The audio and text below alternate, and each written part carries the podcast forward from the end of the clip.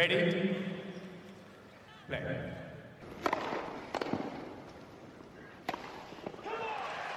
Merhabalar. Raketsers hoş geldiniz. Ben Gökalp. Ben Anıl merhaba. Evet, çeyrek finallerin ortasındayız. Avustralya açık şampiyonlarının belirlenmesine 4 ila 5 gün kaldı. Nasılız? Keyifler yerinde mi? Bugün bir konuşacağız şu ana kadar. Birkaç gün geçti en son programdan beri. 4 gün falan geçti. Üçüncü, dördüncü turlar oynandı. Çeyrek finallerin yarısı oynandı. Bunları konuşacağız. Hiç merak etmeyin. Gerçekten tenise odaklanabildiğimiz bir Avustralya açık oluyor Gökalp. Şaşırtıcı değil mi? Yani geçtiğimiz Evet, yıllarda Birkaç seneden beri. Özellikle geçen sene vurmuş geçirmişti. Yani korttaki sonuçlara gelene kadar böyle, sanki geçen sene böyle bir buçuk ay falan sürmüştü. Bu sene biraz Bir daha buçuk mu? İyimser yaklaştığını düşünüyorum. Bence turnuva başlayana kadar bir buçuk ay falan geçmişti geçen Evet. sene. Ondan önceki sene karantinada hangi oyuncular hangi villalarda, diğerleri yatakta tenis oynamaya çalışıyor falan derken yangın Orman yangını. Aynen öyle. Ya nefessizlikten yangını, boğulanlar. Aynen dumanların içerisinde eleme maçı oynamaya çalışanlar derken bu sene bu sene şaşırtıcı bir şekilde tenisten devam ediyoruz. Ee, herkese hoş geldiniz diyelim. Chat'e gelenler var. Hoş geldiniz. Aleykümselam. Hoş geldiniz. Merhabalar. Merhaba Esra hoş geldin. Anıl hoş geldin. Rıbakina övmek için gelmiş. Öveceğiz. Hem de zaten programa onunla başlayacağız. Çünkü Kadınlar Kurası'nın en üst tarafında olduğu için bir az sonra diyelim. Medvedev'in başarısızlığına da geleceğiz. Biraz Korda'yı överiz orada.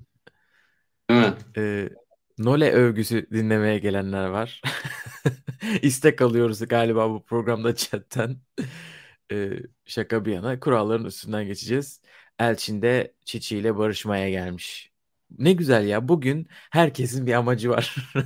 bu çeyrek final yayınında. Boş izleyici yok. Herkes bakalım amaçlar ne kadar gerçekleşecek. İnşallah memnun kalırsınız diyerek. Anıl istiyorsan Kadınlar Kurası'nı ben yansıtayım. Yukarıdan konuşmaya başlayalım. Derhal. Evet. Wikipedia'nın sıcak kollarına bırakıyoruz kendimizi. Aynen Wikipedia övmeye başlarsam beni durduramazsın. O konuya hiç girmeyeyim. Rybakina Ostapenko, Pegula Azarenka, Pliskova Linet, Sabalenka Vekic şeklinde çeyrek finalist listesi oluşmuştu. Değişik bir liste. Yani kadınlar kurası için bile şaşırtıcı bir liste. Öyle değil mi? Yani İlk 15'ten iki kişi var. Gerçekten hani ilk e, üçüncü tur itibariyle sanırım zaten e, seri başlarının böyle üçte biri gitmişti. Dolayısıyla çeyrek finale yine de e, hani altı tane seri başı kalmış kalabilmiş olması büyük başarı. Evet seri Ama tabii- zaten kalanlar 17, 22, 24, 30 falan. Ama hani çeyrek finalde görmeyi beklediğim Polonyalı Magdalinet miydi dersen hayır cevabını veririm. Fakat e, gerçekten ilginç şeyler oldu yine gündüz çeyrek ilk iki çeyrek final maçında. Ama çeyrek finale çıkan diğer isimlerin hepsi de bence e, sıradan bir övgüyü de hak ediyorlar. Yani özellikle Magdalinet, Dona Vekic sürpriz e, isimler. Üstüne Karolina Pliškova'nın da e, çok da beklenmediği halde sadece servise dayalı değil genel olarak oyun planını iyi tutturabilmiş olması bu turnuvada onu buraya getirdi. E, Sabalenka da maşallahı var e, servisleriyle bu turnuva.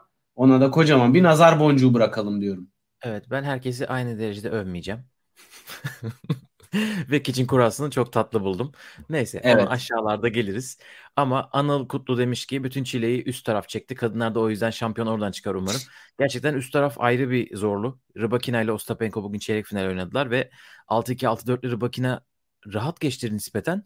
Ee, hem bunu konuşalım istersen Rybakina'yı konuşurken hem de tabii biraz geriden geliyoruz. Rybakina biz konuşalı.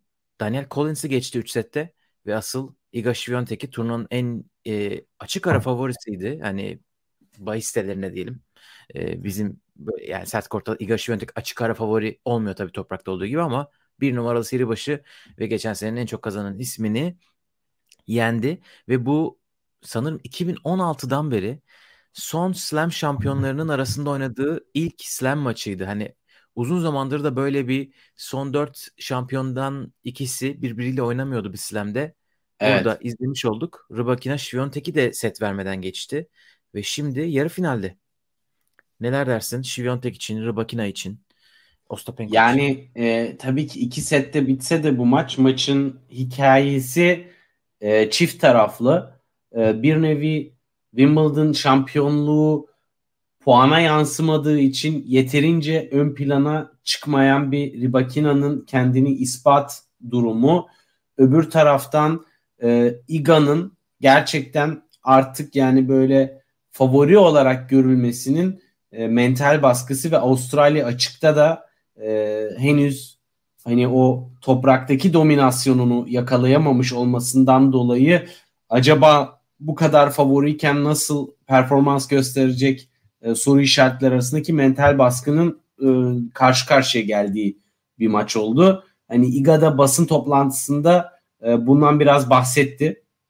Buradaki e, hissettiği baskının onu biraz zorladığını.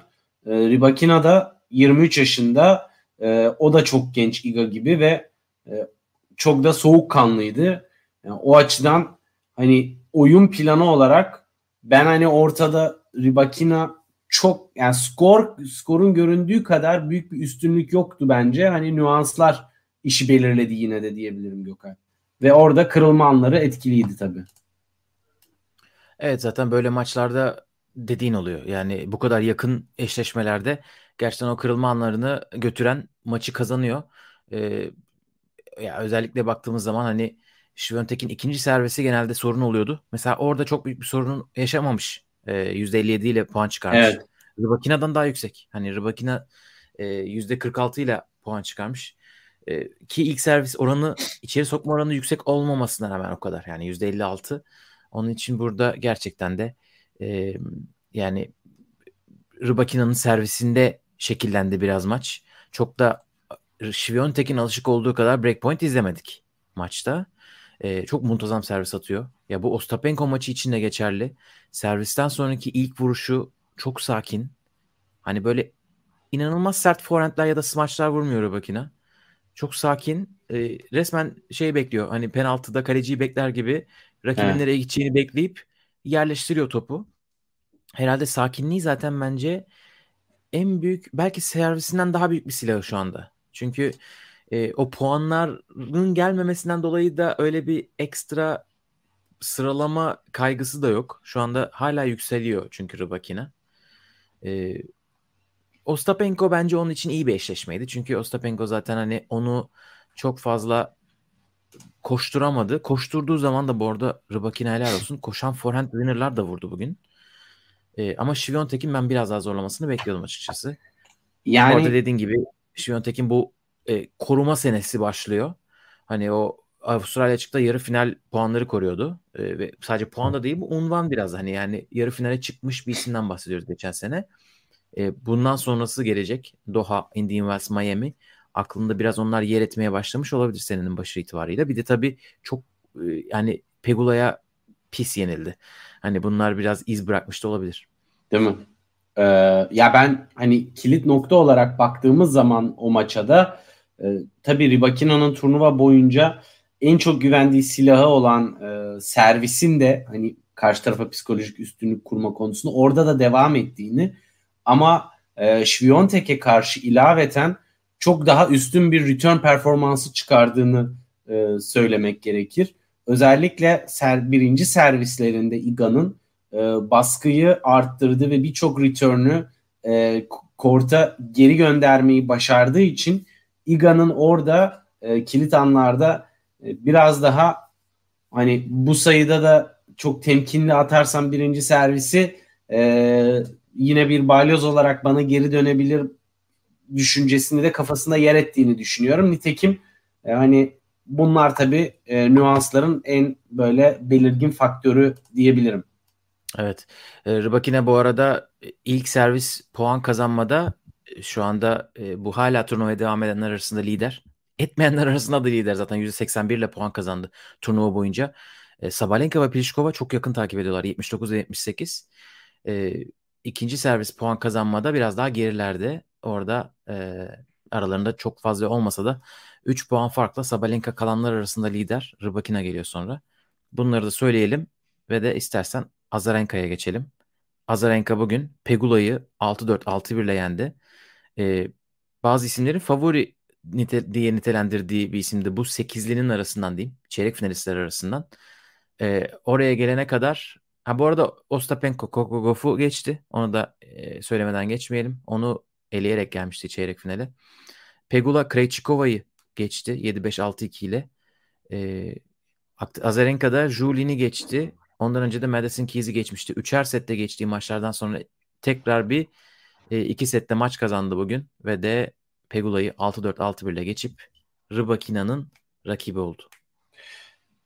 Evet yani e, Ostapenko konusuna geri dönecek olursak hani Kokogov maçında istediği her şeyi yapabilen bir isimken e, Rybakina'ya karşı çok daha fazla hata yapan o istikrarını e, koruyamayan ki hani zaten bu Ostapenko'dan çok alışkın olduğumuz bir şey. Ya yüzde yüzle ya yüzde sıfırla hani bu kadar iki farklı uçta e, maç içerisinde performans gösteren bir isim. E, dolayısıyla bugün işte o istediklerini yapamadığı e, gün oldu ve hani farkı belirleyen de o oldu. Hani Kokogov da basın toplantısına çok da duygusal bir basın toplantısı yaptı o da. E, hani belirlediği gibi e, belirttiği gibi Ostapenko öyle bir oyun oynadı ki o kadar çok domine etti ve kortun her yerinden o kadar güçlü vuruşlar gösterdi ki hani bir bir çıkış yolu, bir tünelin ucunda ufak bir ışık huzmesi dahi göstermedi Kokogofa ve büyük bir çaresizlik hissettirdi. Bugün o görüntüden çok çok uzaktı.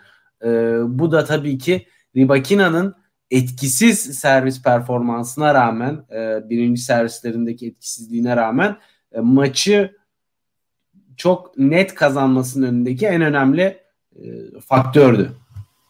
Evet çok e, maçı dikte edememiş Ostapenko bu maçta. E, Koko maçında mesela 30'a 27 Winner Bastata. Bu maçta 19'a 22. Ya artı eksi olarak aslında çok acayip değil ama e, sayıların düşüklüğü biraz hani maçı Rybakina'nın götürdüğünü gösteriyor. Ostapenko ile alakalı tek bir şey söyleyip geçeyim. E, kafayı gerçekten e, topları düştüğü yerlerle bozmuş. İnsan her zeminde, her turnuvada ve her teknolojiden bu kadar haksız olabilir. Önünde şu kadar içeride olan topa şöyle dışarıda falan diye takımına gösteriyordu. Ee, sorun başka psikolojik bir sorun olduğunu düşünüyorum. Artık en son bugün çizgi hakemlerinin geri gelmesi konusunda basın toplantısında bir ricada bulunmuş. Hani kort da çok boş onlar olmadan diyor. Acaba bağıracak bir insan mı istiyor? Hani teknolojiye de bağıramıyor ya. Takımına bakıyor diyor ki top dışarıda diyor ama teknoloji. Yani sabit fikirlilikte bir üst seviye bence. E, çünkü bu işin e, neresinde sıkıntı olduğunu böyle hissi düşünceler haricinde net bir şekilde de ortaya koyamıyor. Çünkü bence toplar açık ara içeride ama değil gibi. E, fakat hani bazı maçlar hatırlıyor musun? Böyle gerçekten seyirciler diyor ha içeride gibiydi acaba Allah Allah diye böyle e, sorguladığımız noktalar oluyordu. Hani ben öyle puanlar da çok Ostapenko maçında hatırlamıyorum kendisinin e, söylemleri haricinde. Dolayısıyla yok, yok, her maçta çok... her maçta oluyorsa sorun bize değildir kardeşim. Bizde de olduğunu sanmıyorum. E, Petek Ama... demiş ki Rybakina'yı yan kortlara koyanlar utansın başta. Burada hemen Rybakina'nın müthiş sözü sana bırakıyorum. Evet, Ribakina'da e, basın toplantısında e, demişti ki bir gelen soru üzerine e, Petek tam da bu noktaya basın toplantısında değinilmişti.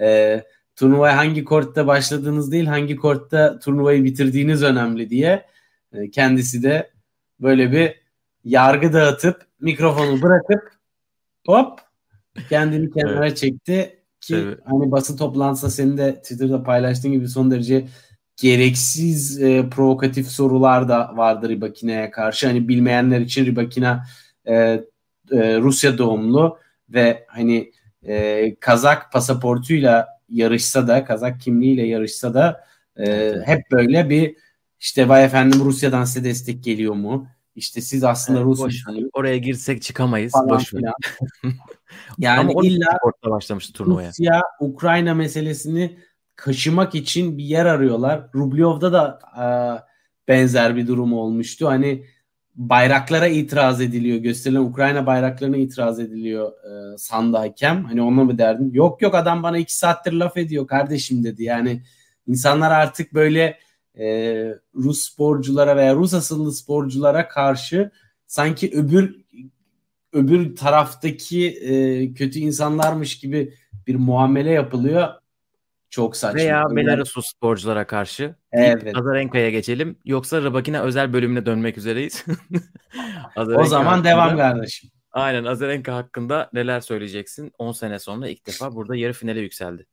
Yani Azarenka e, bu maçta gerçekten oyun planını istediği gibi korta yansıtmakla beraber yapmak istediği vuruşlarda da hani o kadar e, az hata yaptı ki Pegula'yı ilk olarak mental yönden baskı altına aldı. Zira oyun itibariyle e, belirleyici olan kim daha çok kort içinde kalabilecek, kim daha çok kort dışına atılabilecek tarzında bir e, mücadele mücadele e, gerçekleşti ve Azarenka gerçekten vuruş derinliklerini e, sürekli yüksek tutmayı e, başardı ve Pegula'nın öne gelip baskı kurması için e, çok fazla alan bırakmadı. Özellikle ikinci sette vitesi bir hayli yükseltti ve e, Pegula'nın birçok puanda yapabildiği gerçekten slice'larla geri çizgiye e, toplara son anda yetişip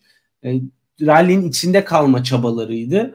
E, bugünkü oyunda hani tabii ki Pegula daha iyi ve performans gösterebilirdi. Fakat onu kortta biraz da silik gösteren Vika'nın gerçekten oyun planını e, hatasız bir şekilde e, korta yansıtabilmesiydi ve Pegula'ya içeriye girecek alanı ve içeriye girdikten sonra onu kazanabileceği momentumu yakalama fırsatını vermemesi üzerine maç sonuçlandı.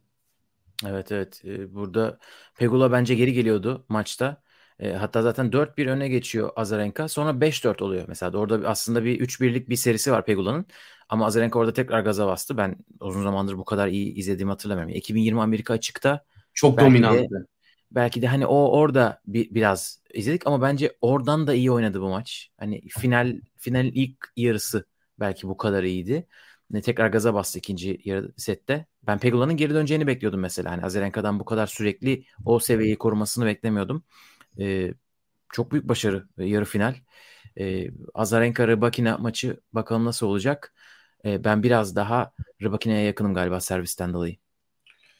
Yani e, bana sorarsan ortada bir maç ve günlük performans çok belirleyici olacak. Çünkü ikisi de istediği oyunu korta yansıtabilirlerse e, hani çok etkili olacaklardır. Çünkü burada da çok rahat hareket ediyor göründüler şimdiye kadar. Fakat dediğin gibi e, Ribakina'nın servis silahı bir tık e, eğer ki korumayı başarabilirse o üst düzey performansı e, Iga'ya karşı olduğu gibi o zaman mental olarak momentumu kendi yönüne çevirebilecektir. Fakat mesela Ostapenko'ya karşı göstermiş olduğu servis performansını Vika affetmez. Yani bilmiyorum o kadar kötü değildi bence. Ee, sadece bugünkü Azarenka'ya yetmeyebilir. Evet yani bugün evet. çünkü bugünkü Azarenka bence iki maçtır da yoktur tahmin ediyorum. Ben önceki iki maçın Madison Keys ve Julien maçlarının özetini izledim. Tamamını izlemedim.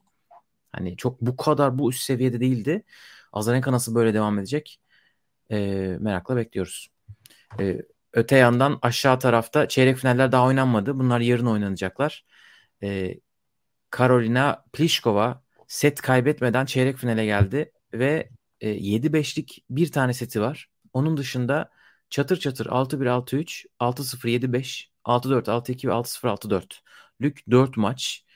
E, tabii tek bir seri başıyla oynadı. Zhang Shui ile oynadı. Burada Kasatkina ve Kudermetova gelemediler onun karşısına. Onu da belirtmekle beraber yine de sağlam bir yol. Rakibi Magda Linet olacak. Magda Linet de bir o kadar zorlu bir yoldan geldi.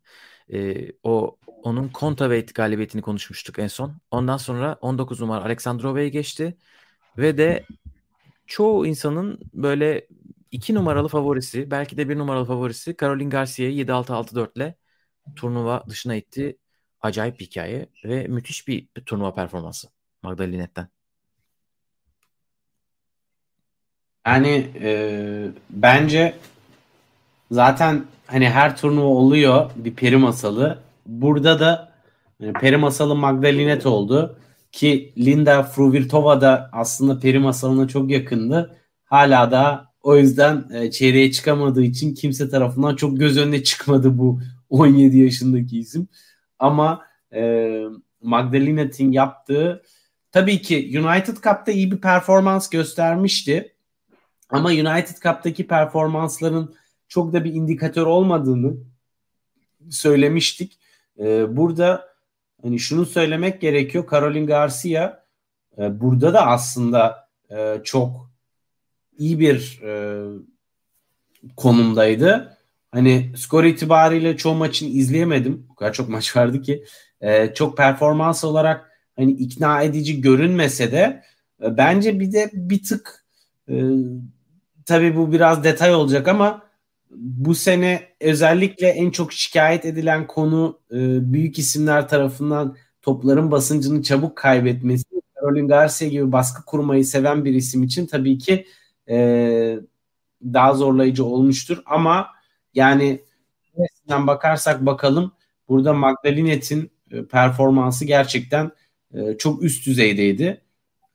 Baktığımız zaman hani bu galibiyet bence iki sette olsa da tabii ki çok çok yine e, yakın geçti ve yine kilit nokta bana soracak olursan hani istatistiklerde e, baktığın zaman e, tabii ki burada e, aslında maç çok yakın geçti ama yine servis belirleyici oldu.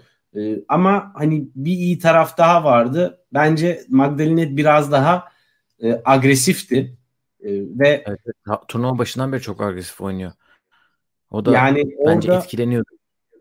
Kesinlikle ve Garcia'yı e, Garcia geri çizgide kalmayı tercih ettiği için öne gelerek baskıyı arttırıp kort dominasyonunu ele geçirdi.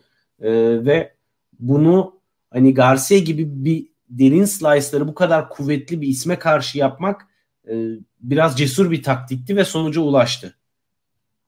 Evet. E, ben merak ediyorum açıkçası. Çok da e, bu maçı izlemediğim için konuşmayayım ama Garcia'nın affetmeyeceğini düşünüyordum. Çünkü neredeyse her return'ü servis çizgisinden almaya başlamıştı artık. Her sene bir santim ileri gelerek yakında voley olarak alacak kural dışı olmasa o kadar önden alıyor Garcia ama evet Magdalenet bakalım ne yapacak yani Pliskova tabii ki bence görmek isteyeceğim bir çeyrek final kurası. Eğer çeyrek finale çıkarsam olabilir Pliskova. Gerçi burada Serena Williams'ı yenmişliği var. Geçen bölümde de konuşmuştuk.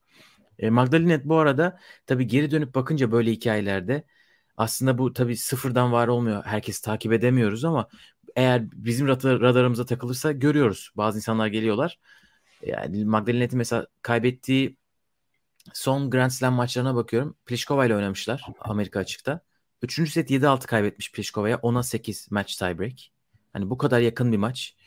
Ee, Wimbledon'da Kerber'e kaybetmiş ikinci turda ve Fernando Contreras'ı yenildikten sonra e, Fransa açıkta zaten hatırlıyorsunuzdur. Ons Jabeur'ü geçmişti. Ve e, daha pazar gününden bütün fantasy game'imizi bitirmişti kendisi. Evet. e, daha dakika bir gol bir. Televizyonu kaybetti ama Magdalenet'in de böyle işleri var. Bakalım ne olacak? Amerika açık maçı gibi olacaksa uzun bir maç bizi bekliyor. Deyip istersen son çeyrek finale geçelim. Evet yani orada da tabii ki e, bence hani esas ilk konuşulması gereken e, Sabalenka'nın Benchic'e karşı e, maçın kontrolünü tamamen ele geçirmesi ve e, net bir şekilde ikinci seti bitirmesiydi. Özellikle evet, burada Sabalenka Benchic'i geçti. Hemen onu gelmeden önce şey söyleyelim. Üçüncü turda Mertens'i geçti. Evet. Bench Georgie'yi rahat elemişti. Benčić set kaybetmeden gelmişti dördüncü tura. E, Sabalenka ile karşılaştılar. E, Vekic ile oynayacak. Vekic Nuria Parizas'ı geçtikten sonra Fruvirtova'yı geçti. Fruvirtova Çek duellosunda Vondroushova'yı geçmişti. E, Vekic Sabalenka maçı olacak deyip hemen tekrar sana şey yapayım lafını böldüm Sabalenka ile ilgili. Estağfurullah. Yani e, ben e, Sabalenka'nın hücum anlayışını ve e, saldırganlığını inanılmaz yüksek buldum. Gerçekten yani böyle yarınlar yokmuşçasına e, saldırdı ve e, winner sayısı inanılmaz yüksekti e, görebildiğim kadarıyla. Hani bench içi bir nevi hani o e, aslında bu sene çok formda olan ve e, rakibi kortu gerisine atmayı seven bench içi e, resmen hani çok geri çizgide tutmayı başardı ve e, sürekli kortun içinde kalmayı başaran her sayıda agresif vuruşlar yapıp az hatayla e, yüksek winner sayısına gitmeyi başardı ve aynı zamanda da e, tabii ki e, şey de çok kilitti. Yani e, zaten her zaman bahsediyoruz onun da agresif return oyunundan. E, orada gerçekten genel olarak return oyununda da e, Bench'e göre performansı daha yukarıda kaldı ve ama tabii e, Sabalenka'nın en çok konuştuğumuz özelliklerinden birisi e, olan ikinci servislerin sıkıntısında aslında Bench'e göre çok daha iyi bir performans gösterdi. Hani burada biraz da Bench'i yermek gerekiyor. Zira sırf 8 tane çift hata yaptı Benčić.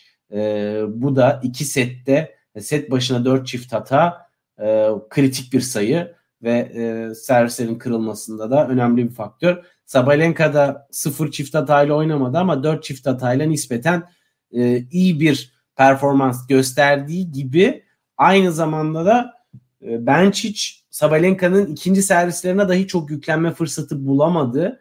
Hani e, sadece az ikinci serviste hata yapmadı Sabalenka. Aynı zamanda etkin de ikinci servisler kullandı ve zaten o da Caroline Garcia gibi agresif bir return anlayışına sahip olduğu için bench içinde ikinci servislerinde baskıyı çok e, yüksek tuttu ve e, servis kırmayı yakaladıktan sonra da o yüzden momentumu eline alıp e, mental olarak üstünlük kuran taraf olmayı başardı.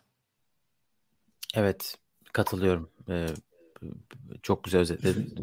Yani en büyük sıkıntı diyecek bir şey kalmadı. En büyük sıkıntı çift hataydı. Gerçekten Sabalenka'da. Yoksa oyunun diğer kalan taraflarında hiçbir sıkıntı yoktu ve hani o çözülünce diğer taraflarda biraz kendi kendine geldi. Kolu gevşedi gibi. İkinci servisten puan kazanmada geri kalan isimlerde Magdalena %61 ile ilk sırada Sabalenka 59. Çok yüksek bir değer. Sabalenka'nın geçen senesine göre.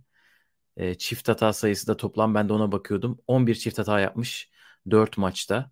Geçen sene set başına yapıyordu. E, gerçekten kimle çalıştıysa o biyomekanik koçu mu ne varmış işte koluna cihazlar takmışlar.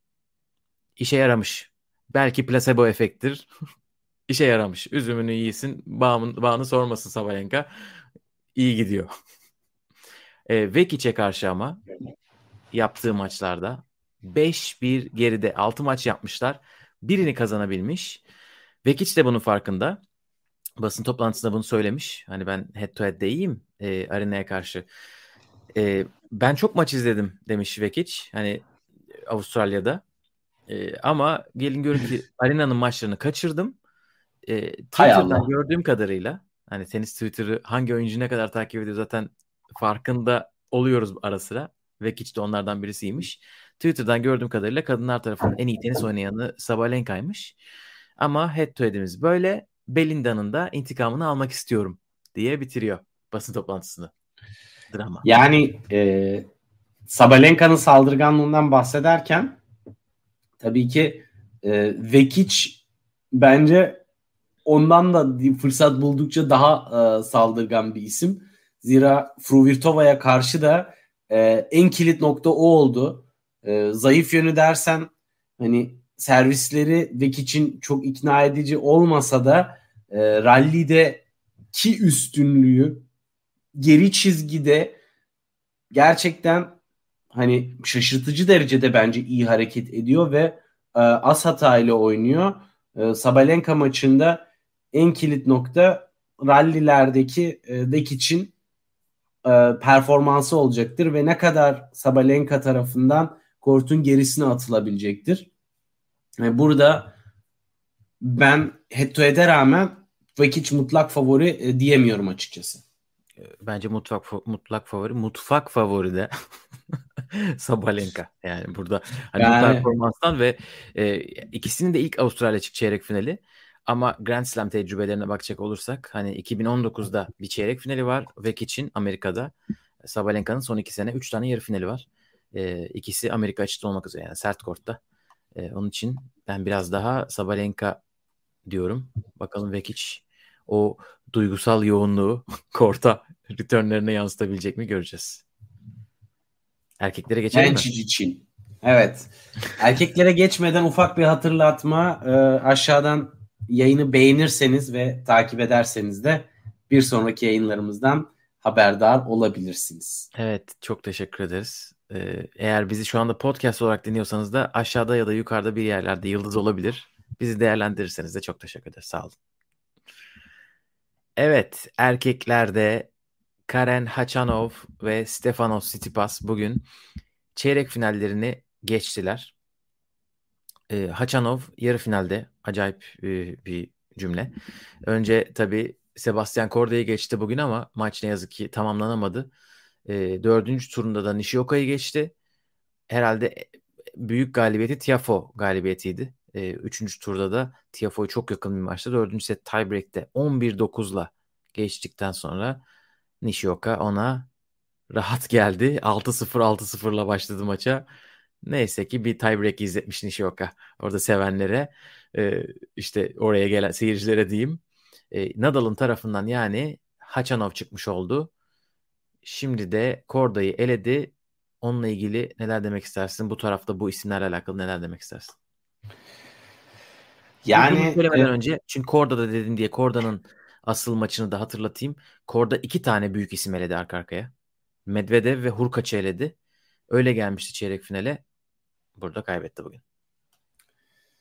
Yani e, tabii ki Korda'yı değerlendirmek ayrı bir parantez olur ki bence e, şu anda Amerikalıların Taylor Fritz dahil en komple ve heyecan veren ismi yaş itibariyle de ve e, hani dün dinlemiştim Mert abi de e, o güzel e, bilgiyi paylaşmıştı onu da buradan e, aktaralım. Yani şu anda babası zaten eski e, Grand Slam şampiyonu Peter Korda ama antrenörü Radek Stepanek'le de şu anda beraber e, çalışıyorlar ve oradaki ilginç hikayede Radek Stepanek de zamanında koç olarak Sebastian Korda'nın babasıyla da çalışmış bir dönem. Yani öyle bir e, kısır döngü. Bakalım Stepanek'in oğlu e, olursa veya kızı olursa orada da Sebi Korda'yı görecek miyiz? Hiç kimsenin işine yaramayacak bir bilgi daha ekleyeyim. Wikipedia'da rastladım bugün. E, Haç, e, Korda'nın koçları iki koçu varmış sanırım. Biri de Martin Stepanek. Radek Stepanek'le bir bağlantısı yokmuş. Gerçekten o da e, müthiş bir bilgi. Ben bilmiyordum valla. Ama e, yani e, Karen Kaşanova bakacak olursak gerçekten hani elediği isimler itibariyle aslında e, şöyle söylemek gerekir. Çok dişine göre bir kura geldi. Ve e, TFO'ya karşı zaten en zorlu rakip bence o arada. E, TFO'ya karşı oyun planı olarak ve matchup olarak genel bir üstünlüğü var. Hani onun e, oyununa en çok uygun olan isim. Bana soracak olursan e, iyi bir momentum ama Kur'an'ın da etkisiyle e, buraya kadar geldi. Fakat çok da istikrarlı bir isim Grand Slam seviyesinde. Yani e, biraz böyle ortamını bulduğu zaman hani e, şaşırtmıyor. Fakat hani elemiş olduğu isimlere baktığın zaman Gökalp e, hani ilk turda Zapata Mirales yenilebilecek bir isim. İkinci turda Kubler gayet yenmesi gereken bir isim. Üçüncü turdaki e, TFO maçı buradaki e, en kilit maçıydı ve orada da zaten hani hem matchup yönünden bir fark vardı. Bence TFO'da bayağı e, kötü bir günündeydi ama özellikle e, şunu e, söylemek istiyorum. Hani burada e, baktığın zaman TFO'ya karşı e, rally oyununda da e, genel istatistiklere baktığın zaman da aslında e, TFO iyi bir performans e, sergilese de kırılma anlarında e, Haşanov çok daha e, diri kaldı. TFO'nun da bilmiyorum Federer'in ahı mı dersin böyle kilit noktalarda aslında e, bu kadar iyi durumdayken performansı patlaması biraz şaşırttı açıkçası. Netflix Curse'ü artık çok sıkıcı mı geliyor da Federer'in ahına geçtin? yani ne diyeyim bi, bi, biz de değişik bir şey söyleyelim dedim. çok mainstream Breakpoint Curse. Ee, en son Felix kalmıştı o da gitti zaten. Ee, evet burada Korda bugün maçı tamamlayamadı ne yazık ki. Ee, böyle süre gelen bir sakatlık değilmiş açıkladığı kadarıyla. Adelaide'de hissetmiş bileğini. Hani Adelaide'i çok e, zinde oynamamış anladığım kadarıyla. Böyle %100'üyle oynamamış. Ona rağmen Djokovic'e karşı bir maç sayısı görmesi de onun başarısıdır. E, Djokovic'in sakatlığıyla alakalı konuşurken bu arada Djokovic de şeydir yani pardon e, Djokovic sakatlığı çok konuşulunca bu, bu sorular bana çok soruluyor. Diğerlerine bu kadar sorulmuyor gibi bir şey söylüyor. Sonra Taylor Fritz de şey yazmış. Birkaç böyle tweet atmış. Aslında turun %80'i böyle şeyler sürekli yaşıyor. Sadece top oyuncular yaşayınca tabii ki onlara soruluyor. Hani onlar çok merak ediliyor diye. Ee, birisi de onu quote etmiş. Hani %80 az bile diyorsun. Mark Pecci sanırım. Gerçekten bu oyuncuların herkes sürekli her yerde bir şey yaşıyor. Yani bugün Fruvirtova da dedi işte evet. bir sıkıntım vardı diye. %100'üyle oynayan bulmak zaten çok kolay olmuyor. Ee, Korda da bu bileğini Adelaide'de hissetmiş ama Avustralya'da hiçbir sıkıntı yaşamadım bugüne kadar dedi. İkinci setin başında bir return vurduğunda misit vuruyor ve orada bileğini anlıyor ve diyor ki orada şey e, forehand ve vole vuramayacak duruma gelmiş. Yani taktik değiştirip falan e, kazanabileceği bir maç olmadığını direkt anlamış. E, inşallah Dominic Team gibi bir şey olmamıştır. Hani aklıma direkt yani. o geldi çünkü anlattığında ama Team biraz acılar içerisinde e, hatırlıyorum Mallorca'da izlerken o kadar değildir inşallah. E, yoksa çok güzel başlamıştı seneye. O Djokovic maçı Adelaide'deki ve buradaki Medvedev ve e, işte Hurkaç galibiyetleri e, çünkü bir de Hurkaç galibiyeti bir de skor olarak da çok güçlü bir galibiyet. Beşinci set evet. 7-6 yenmek çok büyük özgüven veriyordur oyuncuya. Hani evet ben artık bu noktadayım. Çünkü ikinci çeyrek finali sanırım da slam seviyesinde. Yani e, bence hani Radek Stepanek'in en büyük katkılarından birisi de bu e, soğukkanlılığı olmuştur genç yaşta özgüven olarak. Hani e, mental yönden çok fazla faydası olduğunu düşünüyorum. Çünkü yani şunu görüyoruz Korda hani ilk hatırlıyor musun Nadal'la Roland Garros'ta oynadığı zamanki e, psikolojisini ya ben işte idolümle oynuyorum keyif alayım bu maçtan durumundan son derece böyle e, yüz ifadesinden bir şey okunamayan soğukkanlı ve e, kararlı görünen bir insan profiline yani orada bir iki sene içerisinde korttaki davranış şekli ve tutumu da çok e, evrim geçirdi olumlu yönde. Bir tenisçinin evrilmesi gereken yönde. Hani bu da bence bu turnuvada gözlemleyebildiğim Korda'daki en önemli değişim. Çünkü o özellikle genç oyuncularda gördüğümüz kilit anlardaki heyecanlanmalar vesaireler bir tık tabi arada bir oyununda görüyorsun ama en azından yüzüne yansımıyor. Bence bu bile rakibe karşı çok evet. önemli bir e, gösterge ki oyun seviyesi zaten çok ilerledi. Servis performansı çok çok etkili ve e, onu servislerinde kırılganlığı çok çok az yaşıyor. Hani bu da e, erkekler tenisinde özellikle belli bir seviyeye gelmek için sahip olmanız gereken ilk kilit nokta servis oyununuzun e, %90 oranında kurtarırsanız zaten birçok ismi çok rahat ekarte edebiliyorsunuz. Evet evet katılıyorum. E, bence Radek Stepanek'ten tabii bunlar teori. Ben de teorimi ortaya koyayım. Ya, ailenin şeyi etkisi herhalde 2-3 kat daha fazladır benim babam da şimdi burada Oxford olsa Urfa'da gibi konuşmak istemiyorum ama benim babam da bir Avustralya açık şampiyon olsa e, işte kız kardeşlerim dünya 10 numarası ve 1 numarası olsalar yaptıkları sporda herhalde dünya 30 numarası olmak bana yetmezdi gibi düşünüyorum. Ee, hani çünkü Korda öyle bir noktada olduğu için şimdi 35-40 numara falan olduğu için hani daha gidecek çok yer var. Yani doymamışlık hissi büyük ihtimalle ailede normaldir hani yani 40 numara olmak 50 numara olmak onun için e, oradan da bir etkisi vardır diye düşünüyorum.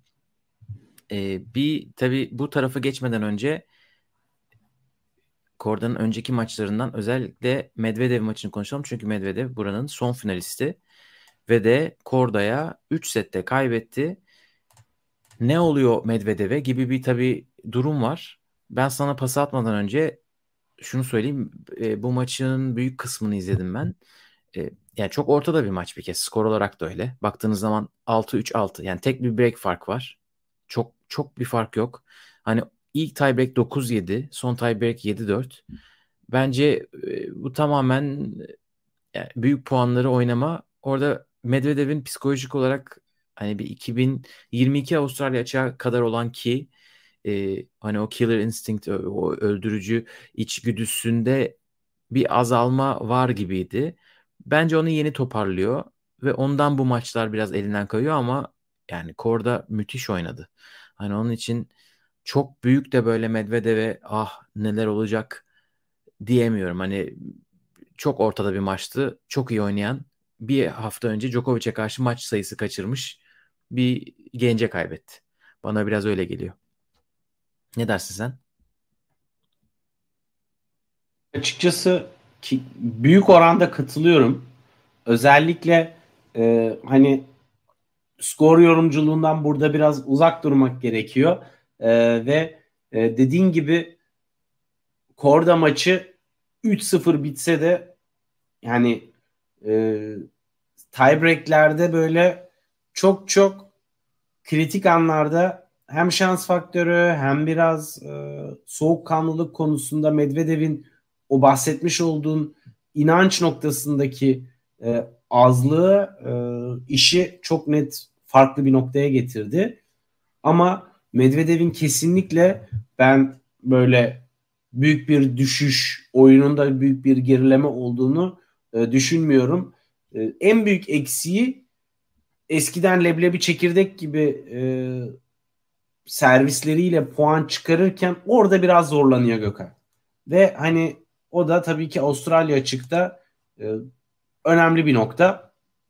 Hani baktığın zaman e, o maçta da özellikle e, Korda'ya artık tabii birkaç tur geçti üzerinden çok detayları hatırlamıyorum ama e, birinci servisinde de e, çok bir dominasyon kuramadığı için orada biraz alan bırakıp Korda'nın baskı kurmasına e, ortam sağladı. Ve hani böyle bir şey zaten bu seviye maçlarda e, farkı ortaya e, koyabiliyor. Evet evet geçen sene gerçekten servis ona bu seneye göre çok fazla bedava sayı kazandırıyordu. Ee, burada biraz artırmak isteyecektir o da seviyesini. Ee, son tiebreak'e girişi beni şaşırttı mesela. Eskiden Medvedev 0-4 geride başlamazdı herhalde. O kadar kritik maçta onun için ölüm kalım noktasında olduğu bir tiebreak'e. Sonra 6-4 yaptı ama artık çok geçti. Hani bakalım bu onun sezonunu nasıl etkileyecek. Tabii oyunu belki çok düşmedi ama burada geçen sene e, finalist olduğu için e, ilk onun dışına çıkıyor Medvedev. Hani puan kaybedecek ve şu anda canlı sıralamada 12. sırada. Onu da söyleyelim ve de istersen aşağı doğru yavaş yavaş gidelim. Bir de çok ufak bir nokta var eklemek istediğim. Medvedev bence hala defansını çok iyi yapıyor ama geçen senelerde çok iyi yaptığı şey olan defanstan hücuma geçişi yapacak cesareti bence biraz daha temkinli. Yani o e, kurduğu baskıyı veya defanstan fırsatı kovalayıp ah şimdi öne doğru gitme noktasında bir tık fazla düşünüyor gibi. E, ve o da tabii ki çok şey fark ettiriyor. Çünkü orada zaten büyük bir e, cüssesi var. Hani en azından kası yok ama kendi dediği gibi en azından boyu posu var maşallah. Hani o yüzden orada e, o noktayı da tekrardan devreye sokabildiği takdirde zaten hani yenildiği isimler kolay maçlar kaybetmiyor zaten Mede'de. Evet. Gelelim ikinci e, çeyrek finale. Burada Sisipas ve Siner istediğimiz maç oldu. Dördüncü turda bu maçı görmek istiyorduk istiyorduk. Zaten nispeten rahat kurallardan geldiler ikisi de. Evet. E, ki Siner zorlandı. Hani Fucovic ile oynadı 3. set 3. turda ve 2-0'dan geriden gelmesi gerekti ve de başardı. Hani iki set geriye düştü. Ondan sonra sadece 3 oyun kaybederek Fucovic'i geçti. Tsitsipas Greek Spor'u geçti. Bir tane tiebreak var maçta. Hani o onu atlattı ve de e, 2-0'lık bir giriş yaptı Siner maçına. Acaba geçen sene gibi mi? Ama bu çok geçen seneye de benzemiyor dediğimiz maç zaten. Dedi ben geçen sene gibi değilim. Siner geri döndü o maçta. 5. sete taşıdı maçı. Tsitsipas orada 5. sette kopardı ve de çeyrek finale çıktı. Hemen altını da söyleyeyim. Lehechka alt kısımda adeta bir efsane yazdı desem şimdi. Çünkü Cam Nori ve üstüne Felix Auger-Aliassime. Cam Nori'nin seneye nasıl başladığını hatırlayanlar vardır United Cup'ta. Üstüne Felix eledi Lehechka ve de Tsitsipas'ın rakibi oldu. Tsitsipas bugün onu rahat geçti 3 sette ve de yarı finale yükseldi deyip komple özet ve topu sana atıyorum. Teşekkür ederim. Göğsümü de yumuşatayım o zaman hemen e, Siner maçından başlayarak. Hani o maçta kesinlikle belirleyici faktör Siner'in e, servis performansındaki iniş çıkışlardı ve aynı zamanda Tsitsipas'ın servis oyunlarındaki e, az hatalı, kararlı ve oyun planını dikte ettirebilen yapısıydı. O noktada Siner'in servisleri çok iyi noktaya gelmişti. E, fakat son sette düştüğü anda Tsitsipas affetmedi ee, ve evet, evet, orada 5. sette düşmeyeceksin ya bence. Yani artık bu Kesinlikle. noktada Siner'in geçen sene iki tane 5 setlik çok kritik maç kaybettiği, birini 2-0 önden, birini maç puanı önden, iki set iki tane maç kaybettiği noktada artık tecrübe de var yani o 5 setlik tecrübesi. Kesinlikle. Ve o çok şey fark ettirdi. Ee, Titi pası da buradan Titi pasa dönecek olursak bu sene ile beraber iyice ortaya çıkan o servis kırdırmama konusundaki ser, kritik puanları kendi servisindeki savunma yüzdesi tek daha da bir ileri bir noktaya geldi. Hani bugün aslında Lehechka'yı çok rahat geçti yine e, skor olarak. Orada da yine e, gerçekten servis oyunundaki o stabilite çok şey fark ettirdi. Müthiş kararlı çok inanmış e, görüyorum ve e, burada seyirciyle de tabii ki müthiş bütünleşmiş durumda. Hani o senin ilk daha kura yayınında söylediğin ve Tsitsipas çeyrek finale çıkar demendeki temel nedenlerden birisi olan bu e, Avustralya'daki Yunan kökenli insanların nüfus olarak çoğunluk olması ona zaten bu turnuvada geçtiğimiz senelerde de istikrarlı bir şekilde yarı finalleri e, göstermişti. Lehechka maçında bu kadar hatırlamıyorum ya. Suvlakisini alan gelmiş kardeşim. Ya bu kadar hatırlamıyorum ya. Bayağı ana dil Yunanca gibiydi kortta. Değil o mi? Kadar, o kadar beklemiyordum. Geçen yani, senelerde de. Yani bayrakları görüyorduk ama bu kadar iletişime ben de e, şey yapmıyorum. Bu sene iyice bir level atlamış. Sanırım seyirciyi tanıdıkça göz aşinalığı mı oluyor nedir artık her sene her sene. E, hani artık Aa, o anlıyor o anlamıyor filan. Ben de bilemiyorum. Zira ben de Yunanca bilmiyorum. Kalimera'dayım. Kenara çekilebilirim yani en fazla. Bagdatis'i izlemeye gelenlerin e, neredeyse çocukları şimdi. Değil mi? beraber herhalde ailecek geliyorlar. O noktadalar. E, ama evet yani o, o, o atmosferi çok seviyor belli ki. Burada 5. yarı finali 5 mi? 5. yarı finali. Yanlış mı söylüyorum? Ya da 4. Evet. Son 5 senede 4 sanırım. Dö- dördüncü. Dördüncü. 15 senede dördüncü yarı finali. 2019, 2021, 2022 şimdi de 2023. Aynen bir 2020'de çıkamamıştı. Ee, çok büyük bir istikrar. Ee, bir de pandemi beş, bozdu. 5 setlik maçlar e, hani o önemli bir istatistik. Bakıyorum şimdi 6 8 yani 11 maçın 8'ini kazanmış. Son 5 setlik e, 11 maçın. E, kaybettiği 3 maçın ikisi Djokovic'e biri Alcaraz'a. Ben okeyim. Hani yani böyle bir 5 setlik istatistiğiniz varsa e, ki Alcaraz'a kaybettiği son set 7-6, Djokovic'e kaybettiği işte Roland Garros finali son set 6-4. Hani o anlamda da çok olgun durumda. fitness olsun, turnuvanın ikinci haftalarında ileri gitme olsun. Zaten Djokovic de söyledi. Aralarında kalan en iyi, en tecrübeli Tsitsipas. Finali yok galiba ama dedi.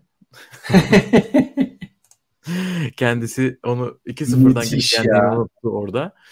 Ama Tsitsipas e, Lehechka'yı da bugün eledi. Lehechka e, biraz herhalde motivasyon olarak sönmüş. Çünkü o şov vuruşları topu inanılmaz erken alışı bugün yoktu. E, ben şeyi dinledim. E, Rotterdam konuştuğumuz geçen seneki bölümde bayağı Lehechka'yı detaylı konuşmuşuz. O, o zaman böyle detaylı tanıştığımız için. Orada oyununu anlatmışız mesela. O oyun e, önceki maçlarda vardı. Bugün yoktu. Onun için Sispas biraz daha rahat. Yarı finalde diyelim. E, var mı eklemek istediğin yoksa Djokovic tarafına yavaştan yol alalım. Bence geçebiliriz. Geçelim. En alt tarafa geldik. Burada e, çeyrek finaller henüz oynanmadı. İlk çeyrek finalimiz Andrei Rublev olacak bir tarafta. O Holger Rune'yi geçti. Önceki turda Dan Evans'ı göz, gözünü açtırmamıştı bile. 4-2-3 ile geçmişti. Holger Rune ile acayip bir maç. Beşinci seti diyelim. Skor olarak acayip diyelim belki. Beşinci sette kalite yükseldi. E, ve match tiebreak'te bitti. 11'e 9. Fileden seken bir topla kazandı. E, öbür tarafta evet. Novak Djokovic onun çeyrek finaldeki rakibi olacak. Dimitrov'u 3 sette geçti. Acaba ne olacak? Sakatlığı ne durumda derken Deminor'u 2-1-2 geçerek bir tekrar korkuyu saldı. Bu iki kişiyi konuşalım. Ee, birbirleriyle oynayacaklar. Andrei Rublev, Djokovic oynayacak. Djokovic tabi burada 10. kupasına gidiyor. Rublev da genel olarak 7. çeyrek finaline çıktı. 6 çeyrek finalde sıfırla gidiyor. İşin kötü tarafı Rublev için e, rakipleri çok fenaydı. Bahanesi sürekli yok. İlk çeyrek finali Nadal'la ama ondan sonra Medvedev gibi isimler var böyle. Felix var falan. Şimdi ama bahanesi biraz hazır gibi. Zaten o da Novak hani işim zor diyor. Yani e, işim zordan ziyade hani şunu diyor. Kur'an'ın her yerinde olmayı tercih ederim. Novak'ın tarafında olmamak yerine hani bu kadar e, mutsuz bu e, eşleşmeden ama Hani aşağı kısmı görüp de şeker gibi on, yani daha böyle ah buradan bana ekmek çıkar. Ama e, Rublev konusunda hani genel olarak bence zaten ilk test edildiği maç Rune maçı oldu. E, evet. Kura anlamında, eşleşme anlamında ve e, o maçta da ben iyi bir sınav verdiğini düşünüyorum. E, tabii ben ki Rublev'un e, burada backhand çapraz eşleşmesinde e, Rune'nin de çok baskı kuramadığı için e, Rublev'un zayıf yönüne çok yüklenememesinin de matchup olarak Rublev'un işine geldiğini söyleyebilirim.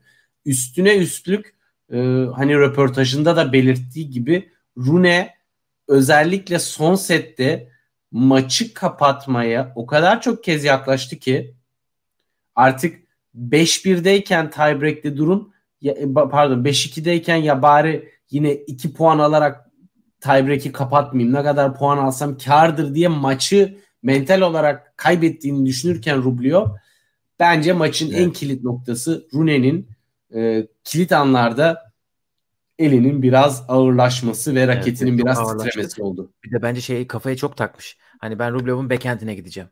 Backhand'ine evet. gideceğim diye o rahat kortta sürekli şaşırtan her şeyi yapan şey yok. Sürekli backend'e gitti bir ara. Artık Tek çok düze bir oyun oldu kesinlikle. Ve o paralel forehandler çok yavaştı. Çok korktu.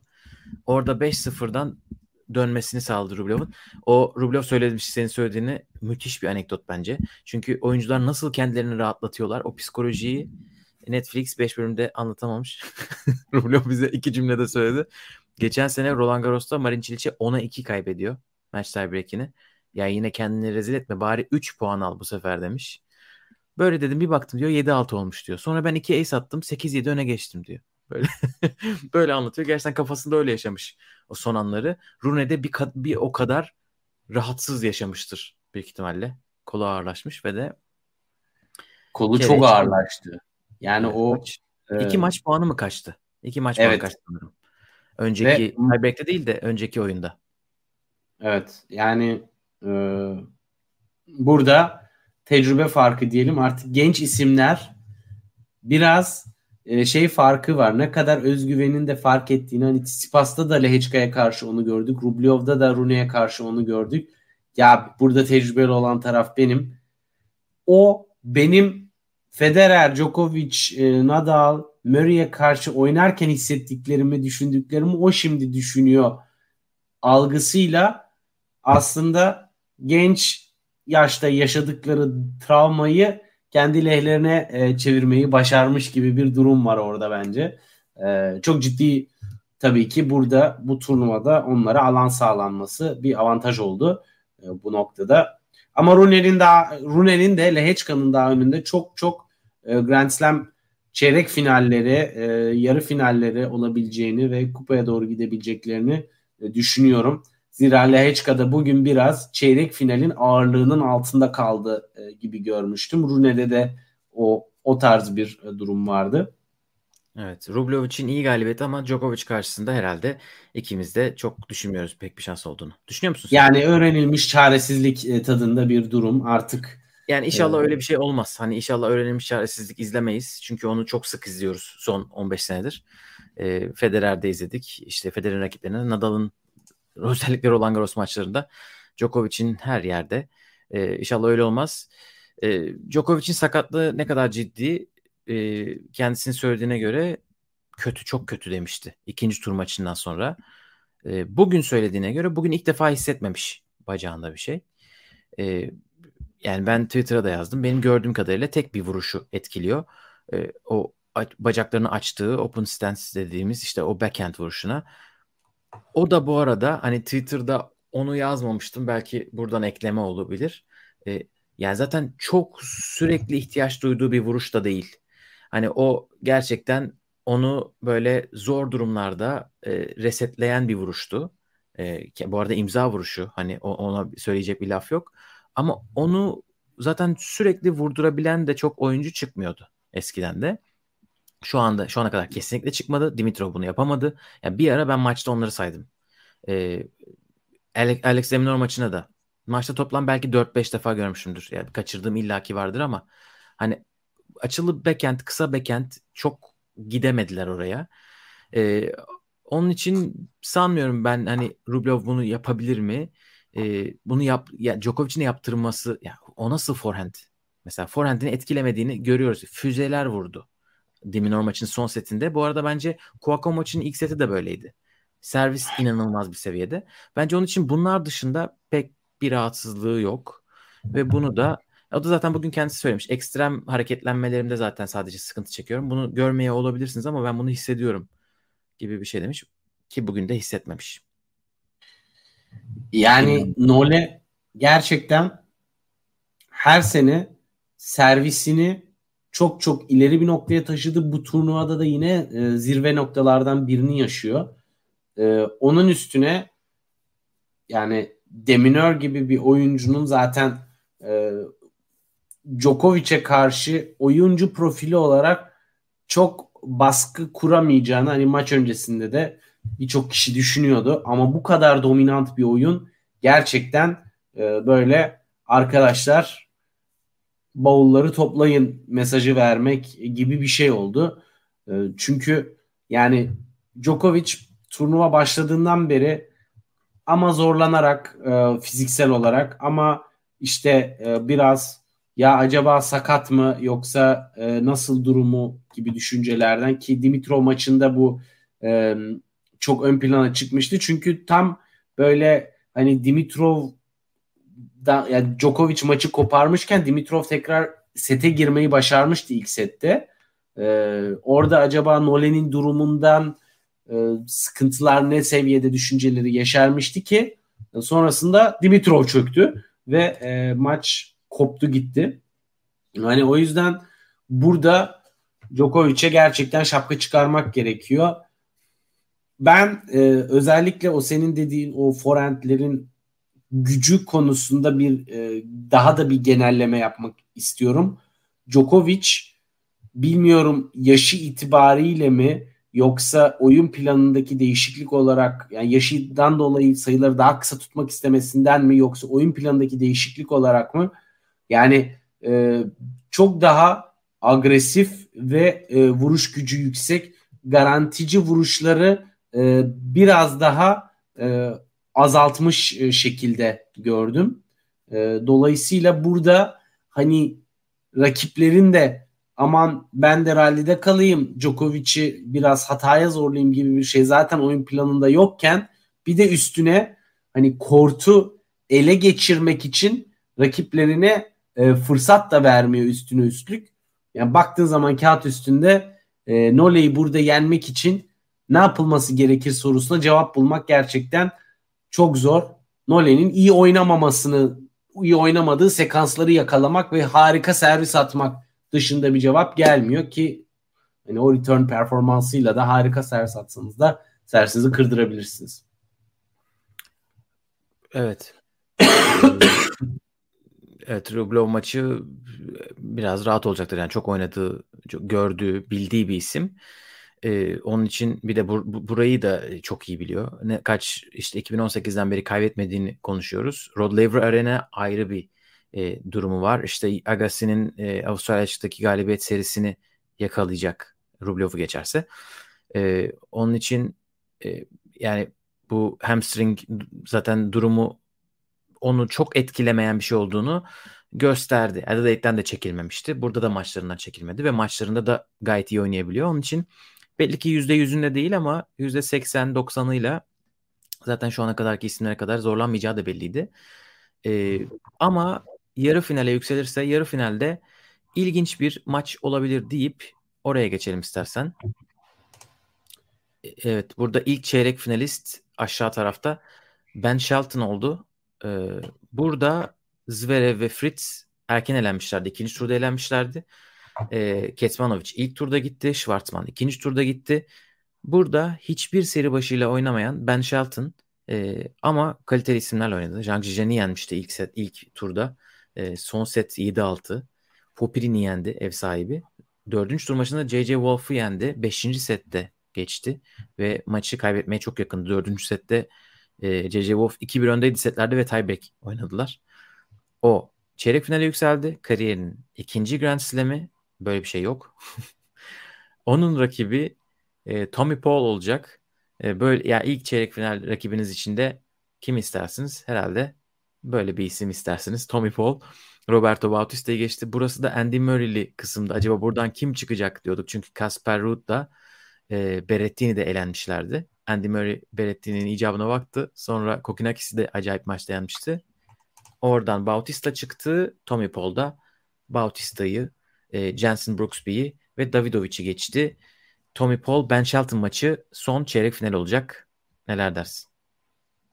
Yani e, ben hani en az izleyebildiğim erkekler tarafındaki iki isim diyebilirim. Dolayısıyla hani biraz da e, genel tutacağım yorumlarımı.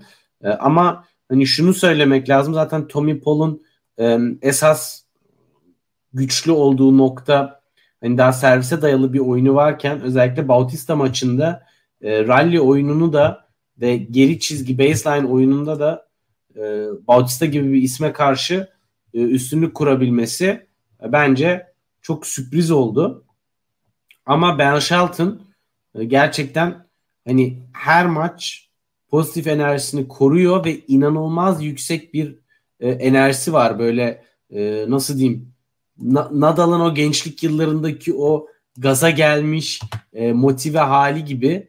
tabii ki daha hani bir şeyler söylemek için erken ama bu kadar genç yaşta ve bu kadar az tecrübeyle e, kritik maç yani çok fazla kırılma anı ve e, elinin titrediği anı yaşayabilecek iken buralardan galibiyetle çıkmayı başarması bence e, çok önemli bir gösterge.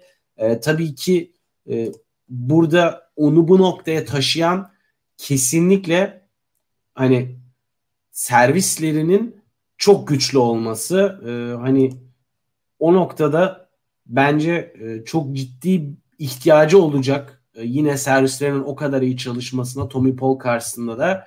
E, çünkü hem iyi servis atıyor hem hızlı servis atıyor. Dolayısıyla e, rakibe çok e, fırsat vermiyor. Hani J.J. Wolf karşısında ortalama servis hızı 196 kilometreydi ilk servisleri. Yani e, tabii ki turlar ilerledikçe bu istatistikleri korumak için de sağlam sinirlere sahip olmak gerekiyor.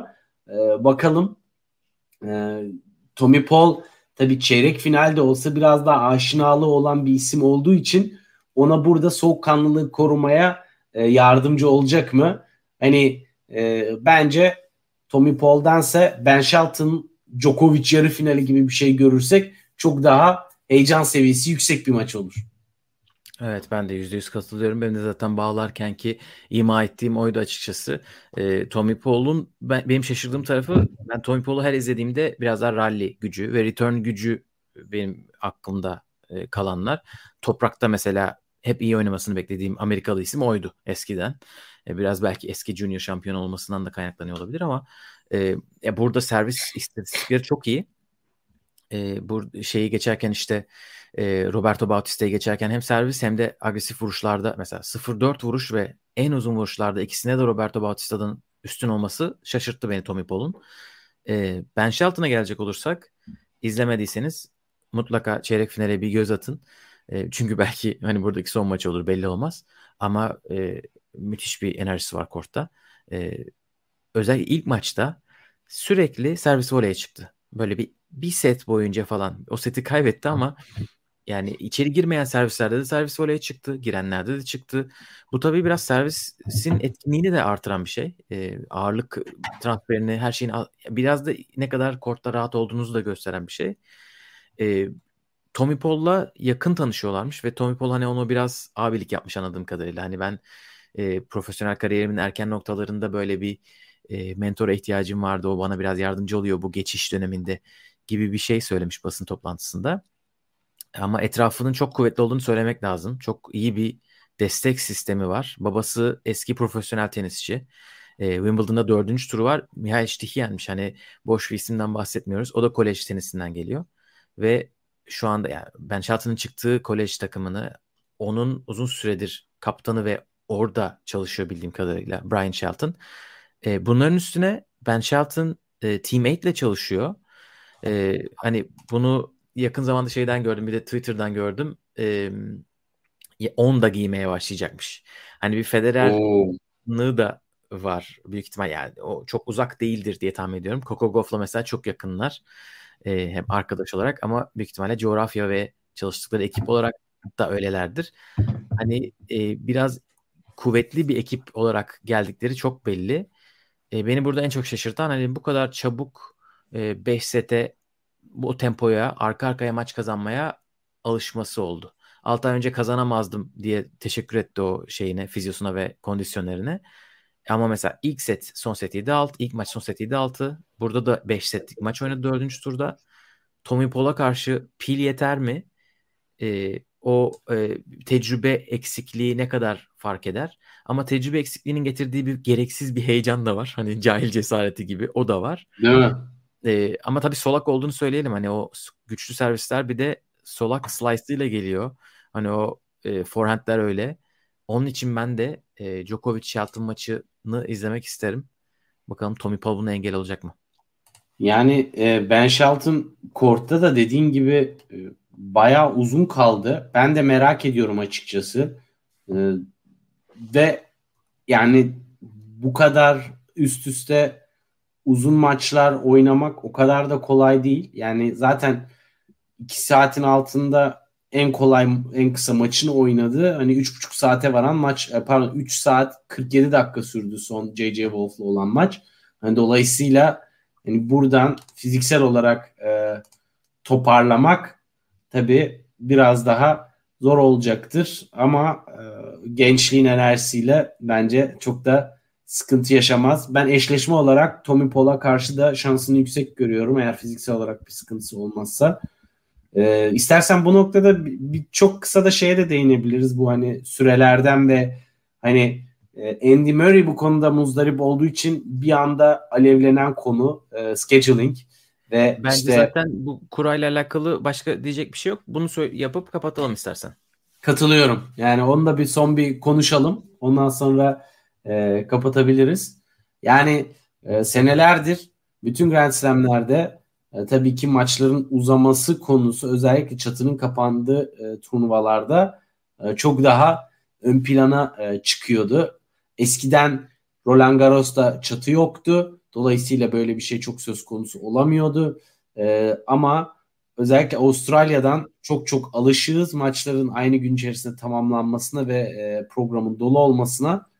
Hani tenisin içerisinde olan ve aslında senelerdir alıştığımız dolayısıyla çok da sorgulamadığımız bir şeyi Murray deyince bir sorgulamak aslında iyi ki sorgulattı gibi ama hani yani nasıl çözülür konusunda da o kadar da yüzde yüz bir e, cevap yok. Ancak maç programını rahatlatmak için e, birçok maçı aynı anda başlatıp dış kortlarda vermek e, rahat olabilir. Hani bir maçı programdan çıkarsan o gün çünkü e, rahatlayacak biraz çözülecek iş. Evet akşam seansının getirdiği bir komplikasyon tabii bu. Ee, akşam seansı Akşam seansı da 7'de başlıyor sanırım değil 7'de mi? başlıyor. Özellikle ayrı bir seans koyuyorlar tabii ki ayrı bilet satmak için. Ve 7'de başlayan e, seansa mutlaka bir erkekler maçı koyuyorlar ve iki maç koyuyorlar. Hani bunu değişik turnuvalar değişik şekilde deniyorlar. İşte Fransa açık mesela tek maç yapıyor. Ama onlar hatırladığım kadarıyla saat 9'da başlatıyorlar akşam. Ee, değişik değişik deneyenler var. Ee, evet buna bir çare bulunması lazım. Çünkü gece yarısından sonra lokal saatle gece yarısından sonra kimse televizyonda o maçı izlememeli de. Hani neden izlesin? Onların işi bence. Bu kadar para kazanıyorlar. Allah aşkına bir çözüm bulsunlar. Yapsınlar yani onu. Yani top toplayıcılar konusuna e, değindi Murray bir de. E, orası tabii işin biraz daha böyle e, duygusal e, tarafı ama hani orada top toplayıcılık yapanlar da hani biliyor şartları biraz da ona göre geliyorlar gençler. Onlar için tabii çok özel bir an yani ama, bana ama mecazi olarak da duygusal bir şey. Çünkü 2008'e kadar top toplayıcılara para ödüyormuş Avustralya açık ve oradan sonra evet. ödememe kararı alıyor ve bütün Grand Slam'lar ödüyorlar. Hani bir de Neden ödenmediğini yağmur... hani para ödense okey mi? Hani konu biraz o yüzden karmaşıklaşıyor. Aynen para ödense okey noktasındalar. Hani en azından bu kadar emek sarf ediyorlar ve iş çalış işte çalışıyorlar. Hani neden ödemiyorsunuz? Onlar da senin dediğin noktalar bence. Zaten bu çocuklar bunu yapmak için ölüp bitiyor. Ama Tsitsipas bugün birini şişliyordu yine. o kadar da. Yani o da e, sevgili e, Tsitsipas e, kardeşimiz biraz bu konularda gerçekten ucuz yırttı bugün bence. E, çünkü hani durduk yere gelen maç e, gitseydi yani artık kafasını duvarlar ama vurur. Nereye vurur, ne yapar, ne eder orasını bilemezdim. Ya yine de e, hani bence de maçlar bu kadar geç bitmemeli. E, işin ticari tarafının yine ön plana çıktığı bir nokta. Tabii Çünkü, tabii bu parayla alakalı. E, çünkü diğer 3 Grand Slam'in yaptığı programı yaparak çözemezler mi diye bir yorum gelmiş. Hani Amerika ve Fransa da bu sorunu yaşıyor bir, bir nebze.